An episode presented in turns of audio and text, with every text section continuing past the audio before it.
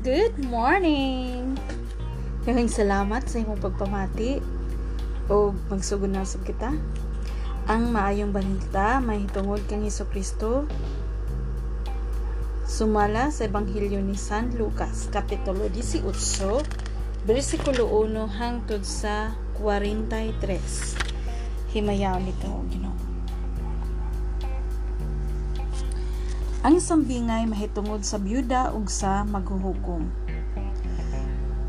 Unya, gisugilon ni Hesus kining sambingaya aron pagtudlo nga kinahanglan sila magampo o dili gayud nila wadon ang paglaom. Sa usa ka lungsod dihay usa ka maghuhukom nga walay kahadlok sa Dios ug pagtahod sa mga tawo ug may usa ka byuda ni atong lungsura nga nagbalik-balik pag-adto kaniya aron paghangyo nga panalipdan ang iyang katungod. Miingon ang byuda, tabangi intaw nako batok sa akong kaaway. Sulod sa taas nga panahon ang maghuhukom dumili pagtabang kaniya apan sa katapusan miingon siya sa iyang kaugalingon bisan tuod wala ako'y kahadlok sa Dios o pagtahod sa mga tao apan tungod kay managsige man og samok na kanako kining maong byuda panalipdan ko na lang ang iyang katungod. Kay kun dili ko kinibuhaton magsige siya balik-balik hangtod nga kaupsan akong pailo. Ug padayon ang Ginoo. Pamatian ninyo ang gisulti ni atong daotang huwes Karon dili ba ang Dios maghukom dapit sa iyang kaugalingong katawhan nga nagpakitabang kaniya sa adlaw ug sa gabi? Maglangan ba siya sa pagtabang kanila? Sultihan ko kamo nga maghuhuk maghukom siya dapig kanila ug dalion niya ang pagbuhat kani niini apan makakaplag bakaha og pagtuo ang anak sa tao dinhi sa kalibutan. Sa u- iya unyang pag-abot. Ang sambingay mahitungod sa parisiyo ug sa kobrador sa buhis bersikulo 9 ngadto sa 14 gisuguylon usab ni Hesus kining sambingaya ngadto sa mga nagtuo nga sila maayong tao ug nagtamay sa uban. May duha ka tawo nga nangadto sa templo aron pagampo usa ka parisiyo ug ang usa kobrador sa buhis. Ang parisiyo nagtindog ug nagampo sa kinaugalingon. Nagpasalamat ako kanimo, O Dios, nga ako dili hakog, dili libungan ug dili himabay. Sama sa uban, nagpasalamat ako kanimo nga dili ako sama ni anang kobrador sa buhis. Nagpuasa ako duha ka adlaw matag semana ug naghatag ako kanimo ikapulo sa tanan kong abot. Apan ang kobrador sa buhis nagtindog sa layo ug dili gani yahat ngadto sa langit. Namukpok siya sa iyang dughan ug nagingon O Dios maluoy ka kanako nga usa ka makasasala Unya mingon si Jesus, sultihan ko kamo. Nga ang kobrador sa buhis ug dili ang parisiyo mao ang gikahimutan sa Dios sa iyang pagpauli sa ila. Kay ang tanan nga nagpataas magpataas sa iyang kaugalingon ipaubos. Ug ang tanan nga magpaubos sa iyang kaugalingon ipataas. Gipanalangina ni Hesus ang gagmayng mga bata bersikulo 15 ngadto sa 17 may mga tao nga nagdala sa ilang mga gagmayng bata ngadto kang Hesus aron hikapon niya sila. Hikitan sila sa mga tinunan ug gikasab-an apan gipaduol sila ni Hesus ug mingon siya pasag din ninyo ang mga bata nga muduol kanako ayo sila pugni kay ang gingharian sa Dios ila sa mga nga sama kanila. Timan-i ninyo kini bisan kinsa nga dili mo dawat sa gingharian sa Dios sama sa usa ka bata dili makasulod niini. Ang dato kapitulo 18 ngadto sa 30 30 usa ka pangulo sa mga Hudiyo nangutana kaniya maayong magtutudlo. Unsa may akong buhaton aron madawat ko ang kinabuhing dayon si Jesus nangutana kaniya nganong gitawag mo man ako nga maayo walay maayo gawas lamang sa Dios Nasayod ka sa kasuguan, ayaw panapaw, ayaw pagpatay, ayaw pangawat, ayaw pagsaksik bakak, tahura ang imong amahan o ginahan. Ang tao mitubag, Kituman ko na kining tanan nga mga sugo o sukad pa sa akong pagkabatanon. Sa pagkadungog ni Jesus na iniiyang giingnan ng dato, usa pa kabutang ang gikinahalan mong buhaton. Ibaligya ang tanan mong katigayunan ug ihatag ang halin ngadto sa mga kabus ug makabaton kag bahandi dito sa langit unya balik ug sunod kanako. Apan sa pagkadungog sa tao niini nasubo siya pag-ayo tungod kay dato man siya kaayo. Nakita ni Jesus nga nasubo ang tao busa mingon siya pagkalisod gayud alang ni atong daghan ug bahandi sa pagsulod sa gingharian sa Dios. Mas sayon pa sa usa ka kamilyo ang paglusot sa lungag sa dagom kaysa usa ka dato pagsulod sa gingharian sa Dios. Ang mga nakadungog ni ini nangutana, kung mao ka na kinsa raman di ay ang maluwas. Mitubag si Jesus ang dili mahimo sa tao, mahimo sa Dios. Unya mingon si Pedro, timan ibaya nga gibiyaan namo ang among panimalay aron pagsunod kanimo. Og si Jesus mingon kanila, tinuod ka na. Ug sultihan ko kamo niini nga bisan kinsa ang mobiya sa iyang puloy-anan o asawa o mga igsoon o mga ginikanan o mga anak tungod sa gingharian sa Dios. Makadawat og daghan pang mga panalangin niining panahona ug kinabuhing dayon sa umaabot nga panahon. Gihisgutan ni Jesus sa ikatulong higayon ng iyang kamatayon. Ning gitigom ni Jesus ang dusi katinunan ng bignan sila, pamati kamo. Nagpadulong kita sa Jerusalem diin matuman ang tanang butang nga gisulat sa mga propeta, mahitungod sa anak sa tao. Itugyan siya ngadto sa mga dili Hudiyo ug iila siyang bugal-bugalan, pakaulawan ug ludan. Ila siyang latuson ug unya patyon apan mabanhaw siya sa ikatulong adlaw. Wala makasabot ang mga tinunan bisan usa na lamang ni ining mga butanga. Ang kahulugan sa mga pulong na lilong kanila wala nila masabti ang gisulti ni Jesus. Giayo ni Jesus ang usa ka butanga makil- makililimos. Bersikulo 35 ngadto sa 43. Sa nagkaduol si Jesus sa Jericho, may usa ka buta nga naglingkod ug nagpakilimos diha sa daplin sa dalan. Sa pagkadungog niya sa paglabay sa panon sa mga tao nangutana siya, unsa man karon? Si Jesus nga taga Nazaret mulabay dinhi. Mingon sila kaniya. Unya misingkit siya, Jesus, anak ni David, kalui in taon ako. Tungod ni ining gikasab-an siya sa mga tao nga naguna ug gipahilom siya. Apan may kusog ginuon siya pagsinggit, anak ni David, kalui in taon ako. Busa, mihunong si Jesus umisugo nga ang butadad un nga kaniya. Sa nahiduol na siya nang utana si Jesus kaniya, unsa may buot mong buhaton ko, anak kanimo. Tubag siya, Sir, gusto unta ako nga makakita pag-usap. Ug giingnan siya ni Jesus. Makakita ka.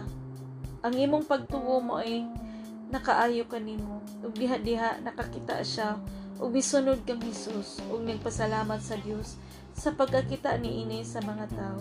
Gidayeg nilang tanan ang Dios. Mao kini ang pulong sa Ginoo.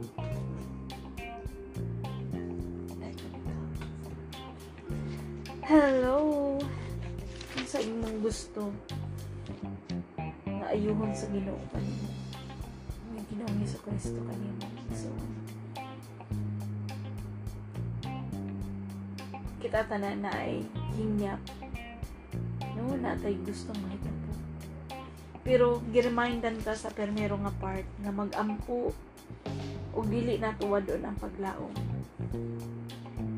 Ah, sa tinuod lang yung abot ko sa punto nga sa akong kinabuhi nga nawad-an kong paglaom. In the sense nga 13 years na may nga mag-asawa sa akong bana.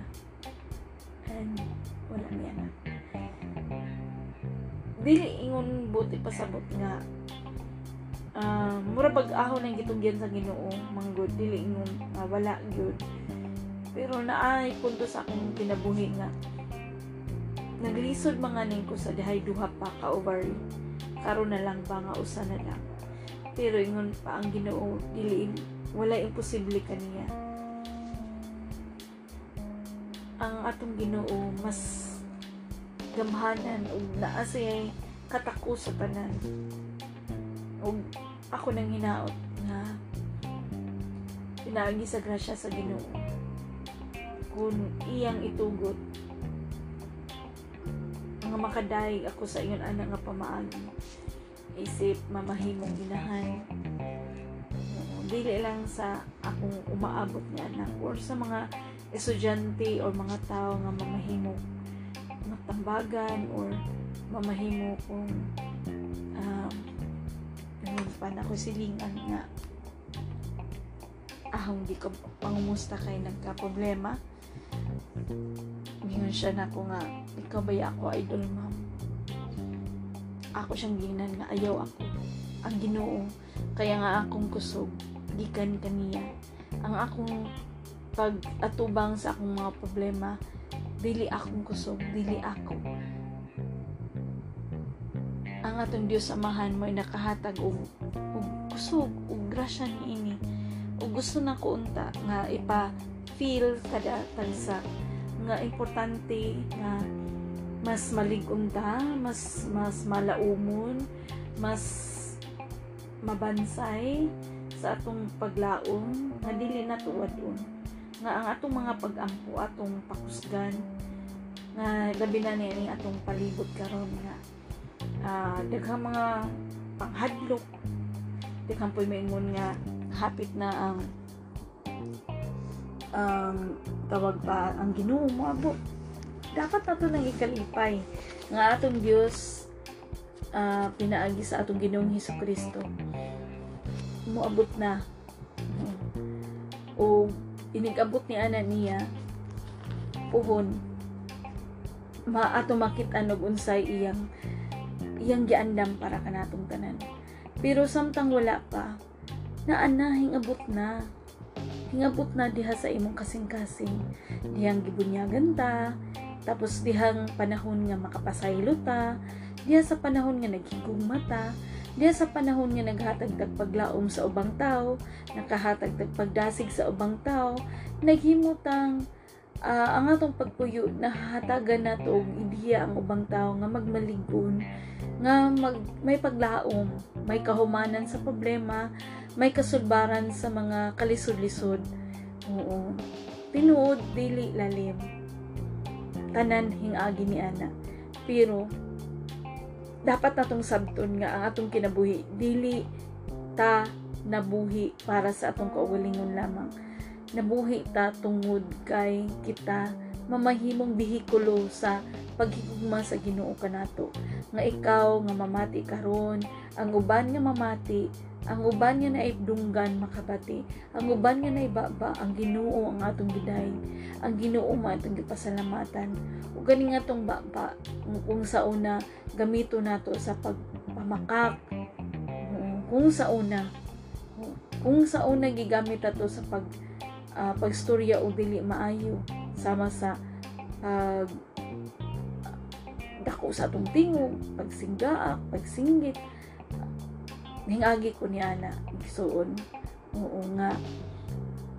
Nga mas may nindot pa nga nga may dili ang akong kinabuhi sa pag pangalagad sa Ginoo. Ug ang pagpangalagad sa Ginoo wala ni siya kuan walay limit. Para nako it is a gift nga gitagaan ta sa Ginoo og grasya sa paghigugma. Nga ang grasya sa paghigugma makahatag nato og paglaom. Nga unsa pud di ay pag giunsa di ta paghigugma sa Ginoo? Sa tinuod lang kung tan-aw nang atong paghigugma sa Ginoo mura og taphaw lang. Kay ngano mas unahon pa nato ang atong paghigugma sa atong uh, pamilya sa atong mga anak ang mga nay anak sa abana kung naay mga uyab sa mga uyab o kung may bahandi sa bahandi. Labaw pa sa atong paghatag og panahon sa atong Ginoo. Nga o kung o kung ikaw ba asawa mura ba og yun ani siya ang sitwasyon? Mingon na imong bana pwede ba nga makig-date ko og lain samtang? Basta I love you makig-date ko og lain. Murag inaana atong pagkuan sa atong Ginoo nga I love you Lord pero tuguti ko nga buhaton ni nako ang ako lang punto din is kung ang atong Ginoo na ay mga giya kanato unya wala to wata kasabot wala na to tuni wala na to masabti. Sama aning pagampo kanunay no dili gayud nila wadon ang paglaom. So dili na to wadon ang paglaom. Kay ang atong Dios amahan nga tuwa sa langit nakakita. Oo so ang atong mga pagampo nabatian kung kita nga ni nga mga dili mga perfect mga dili mga balaan muhatag man ngani diba? Mo konsiderar mga ni how much more ang atong amahan nga balaan? How much more ang atong amahan nga naka kasabot ug say panginahanglan natong tanan? Oo.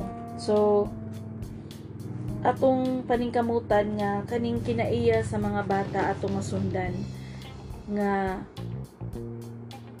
nasama kanila. Madawat usab nato ang gingharian sa Dios kay ang pagpaubos ang ang ang kinaiya sa mga bata nga dali ra sila makapasaylo. Unya tininuod ang ilang istorya. Doon na ay masakitan, tininuod. Usahay matinga ka na lang uh, nganong giingnan ka ginana. Pero tininuod. Kung ang bata nakasa, dali ra po na tong dali ra po na to sila makita nga nagkapasaylo ay atong paningkamutan nga kini kay di ba nga atong nabasa last time nga ang usa kung na-rapture gitawag nga ang usa gibil ang namabilin ang usab tuwa na hingkayab na sa langit. So kini tanan uh, ang tanan tanan naa na dinhi. Na na dinhi sa atong kasing-kasing ang pagpapuyo. Kay ang gingharian sa Dios na na dinhi sa atong kaugalingon. Kung kita nahimong maayong tao kung kita gipakita nato sa uban ang unsa may maayo? Oo. Kung ang atong amahan maayo din kitang mga anak niya. Maayo usab nga hinaot pa ta ang iyang espiritu mukudsad sa atong kasing-kasing hunahuna lawas ug kalag. Og din hinalang kita kutob og daghang salamat nagampo kita. Sa samahan sa anak sa Diyos Espiritu Santo. Amen. Diyos Amahan, daghang salamat sa grasya sa kinabuhi.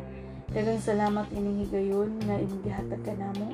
O mo nga kaning mga sambingay, pagtulunan nga gihatag ni Hesus Kristo nga among gibasa karon, among mapuy-an sa among kinabuhi.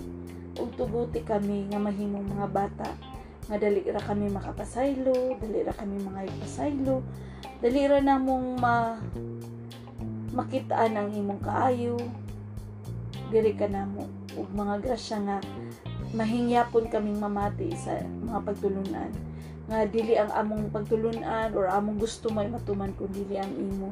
Kung ingnon kami sa isip mga bata kung suguon kami nga tupadong palit og mantika mao pud ang taang among buhaton. Dili na kami maghapit-hapit og unsa pa. Oo, ang imong sugo lamang ang among mabatian ug among matuman. Ug tabangin kami tagsa tagsa nga mas malig-on pa sa among mga paglakaw ni kalibutan na ug dili kami maghambin og og kalagot kayugot sa isig ka tao o hinaot pang nga tagaan mo og dugang grasya ang mga tao nga may kalagot, may kayagot-gut, may pagbasol, may pagmahay. Uh, tagay sila sa kalinaw diha sa paghigugma diha kanimo sa paglaom o sa pagtuo labi na ang paghigugma sa tanan tanan sa iyang kinabuhi. Kining tanan among gipasalamatan pinagi sa ngalan ni Hesus Kristo among Ginoo ug manuluwas. Inubanan sa Dios Espiritu Santo. Amen. Amahan namo. Nga ana sa langit balaanon ang imong ngalan. O maghari ka kanamo ug tumanon ang imong pagbuoti ni sayuta samang gituman kini dito sa langit. Ihatag kanamo ang pagkaon nga among gikinahanglan karong adlaw ug pasaylo kami sa among mga sala sa mga kami nagpasaylo sa mga nakasala kanamo iyo kami tugyan sa pagsulay luwasay noon kami gikan sa dautan kay imo ang kingharian ang gahom ug ang himaya hangtod sa kahangturan amen Maghimaya ka Maria na puno ka sa grasya, ang Ginoong Diyos mo na kanimo. Lani ko sa mabayang tanan plano sa mga bumas dyan mga sa Jesus. Santa Maria, inan ka sa Diyos, gampo mo kami makasasala. Karunog sa oras sa mga ikamatay. Amen. Himaya samahan sa anak sa Diyos Espiritu Santo. May sa sinugdan karon sa gihapon sa mga katuigan ng ulit katapusan nga tanan. Amen. Sa mga samahan sa anak sa Diyos Espiritu Santo. And thank you. God bless you. Bye-bye.